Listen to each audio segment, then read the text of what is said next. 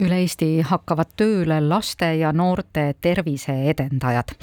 selline teade on meile tulnud, mida see täpselt tähendab, kes need inimesed on ja kuidas nad siis hakkavad laste ja noorte tervist edendama. tervise Arengu Instituudi paikkondade tervise edendamise osakonna juhataja Triinu Purru on meil stuudios, tervist! tervist! kas need laste ja noorte tervise edendajad ei ole mitte kooliõed, kuidas nad tervist edendavad? Tõsi, äh, need ei ole kooliõed. Äh, tegemist on äh, tänase koosseisu puhul terviseedenduse või tervisejuhi taustaga inimestega ja kelle peamiseks ülesandeks on siis just kooli personaliga tegeleda, et nemad oskaksid paremini ja suudaksid paremini siis ühelt poolt laste ja noorte tervist toetada, aga tegelikult ka iseennast selles protsessis hoida Need ei ole siis inimesed, kes panevad plaastreid peale või õpetavad koolipersonali plaastreid panema, vaid üritavad teha nii, et plaastrit äh, ja noh, üleüldse mingisuguseid tablette vaja ei lähegi. just, täpselt, tuleme plaastritest ettepoole, tahaks tegeleda rohkem ennetusega. millest see vajadus tekkis, et nüüd on vaja üle Eesti koolidesse need edendajad saata? No ma arvan, et see ei ole täna enam kellegi jaoks uudis, äh, millises seisus on Eesti laste tervis, eks ju, ülekaalulisus, me räägime palju vaimse tervise probleemid ja selleks, et hakata ennetama, äh, tulebki tulla samm nendest äh, kooliõdedest veel ettepoole.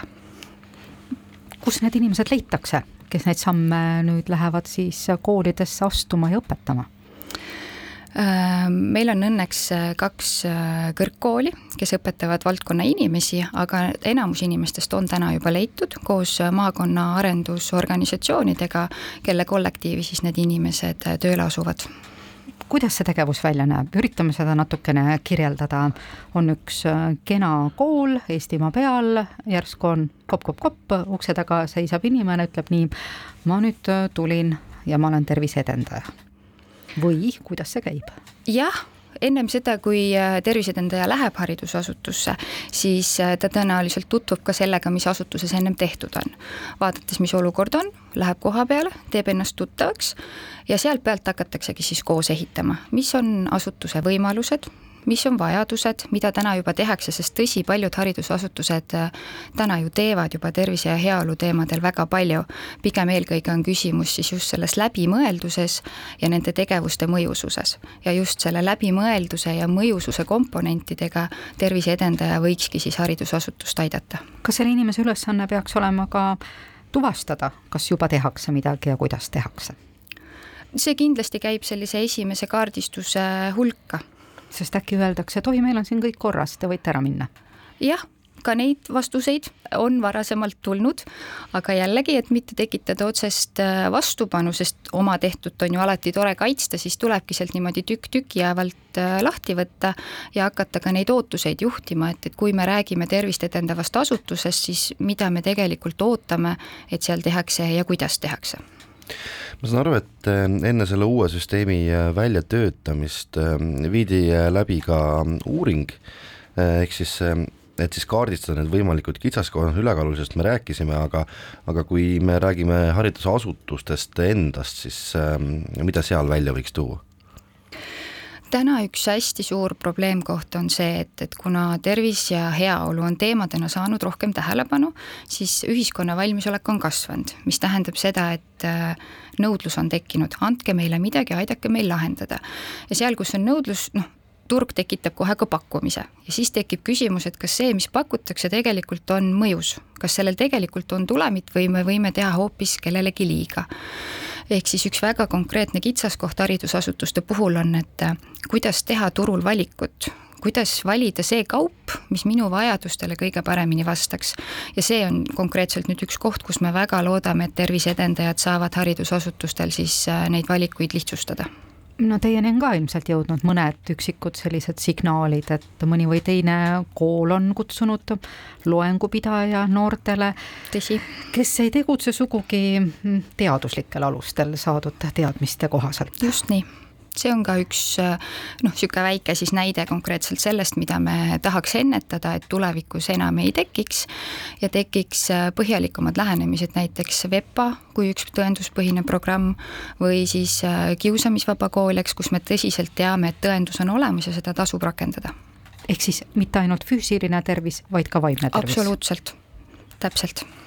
kui paljud koolid praegu ise päriselt ka hakkama saavad, ehk äh, on pööraseid entusiaste, kes äh, teevad ja noh, loodetavasti ei väsi. Nagu ma ütlesin, äh, kõik koolid toimetavad, aga kuna meil täna ei ole ka päris niimoodi noh, pulga pealt standardeid paigas, siis on hästi raske öelda, et millised koolid justkui on nii-öelda rohelise poole peal ja millised on punase poole peal, et mina ise vaataks seda sellist nagu pikemat protsessi, kus äh, ma ei saa öelda, et täna keegi, et meil on asutusi, kes üldse ei teeks, aga kõigil kindlasti on äh, arenguruumi, et see õhinapõhisus justkui piltlikult öeldes panna purki ja hoida seal asutuses ka siis, kui need õhinapõhised isikud kas ise ära väsivad või organisatsioonist lahkuvad. Kas te seda uut süsteemi praegu alles äh, kuidagi katsetate, et on see määratud mingil hetkel äh, lõppema või kui pikalt äh, te plaanite hetkel neid terviseedendajaid äh, tööle saata? Äh, esialgu oleme läinud sellise kolmeaastase plaaniga, meil on lepingud kolmeks aastaks ja selle pealt siis vaatame, kas süsteem töötab või ei tööta. Ja siis vaatame, kuidas edasi, aga ettevalmistused juba edasiminekuks selles mõttes mitte ei ole nii, et teeme kolm aastat ära ja siis vaatame, vaid äh, jooksvalt oleme süsteemi üles ehitanud, et me tegelikult juba esimese aasta lõpuks saaksime indikatsiooni, kas me liigume sinna suunas, kus on tahetud kõik asjad maksavad, et kui tuleb terviseedendaja, ütleb, et jaa, teil on siin väga tore asutus, aga teil oleks tarvis teha noh, lühemas ja pikemas perspektiivis neid, neid, neid, neid, neid asju, siis kus see kool ja omavalitsus selle raha saab? Äh, alati on kõige lihtsam öelda, et raha ei ole Mm -hmm. kõige lihtsam. aga meil on täna väga ägedaid näiteid, kuidas haridusasutustes äh, tehakse tegevusi süsteemselt ja need vahendid leitakse, ehk siis see on prioriteetide küsimus ja teiselt poolt see ühisosa tekitamine, ehk siis miks me oleme need ametikohad loonud just maakonna tasandile, ongi see, et, et kui ühes asutuses jääb puudu, siis äkki mitme peale kokku meil tekivad samad vajadused ja siis tekib juba sealt see mastaabiefekt, et me saame väiksemate vahenditega tegelikult jõuda rohkematesse asutustesse. kas edendaja oskab öelda ka, et noh, aga küsige sealt, sealt ja sealt raha? ja ka seda infot äh, me jõudumööda, nii palju kui teame meie, äh, edastame ka kõik neile, et ta saaks ka neid soovitusi siis haridusasutustele anda kas te otsite hetkel äh, veel tervisearendajaid kuidagi juurde, mm, palju neid hetkel koolidesse saadetud on?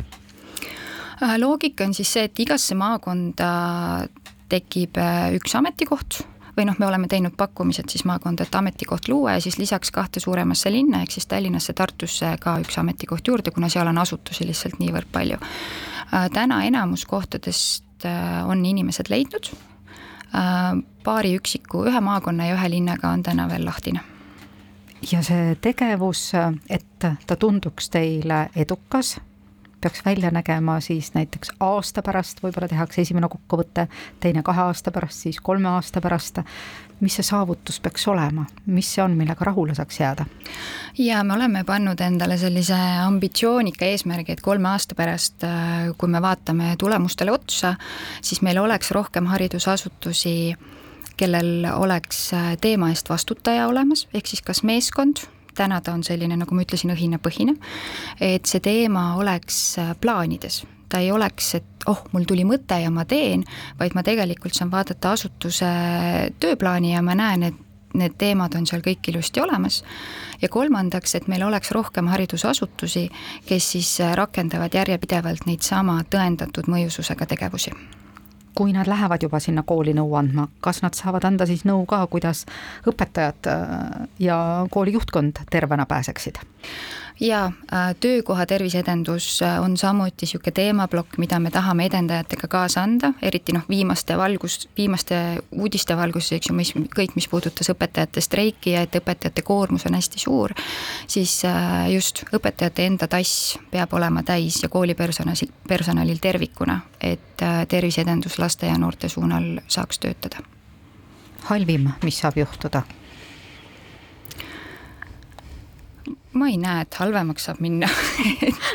Et kui tuleb äh, valdkonda vahendeid juurde ja me anname sinna ka teadmised ja oskusi, siis äh, pigem ikka paremaks. Eraldi küsimus on see, et kas meie kolmeks, kolmeaastane plaan päriselt realiseerub, aga me anname endast parima.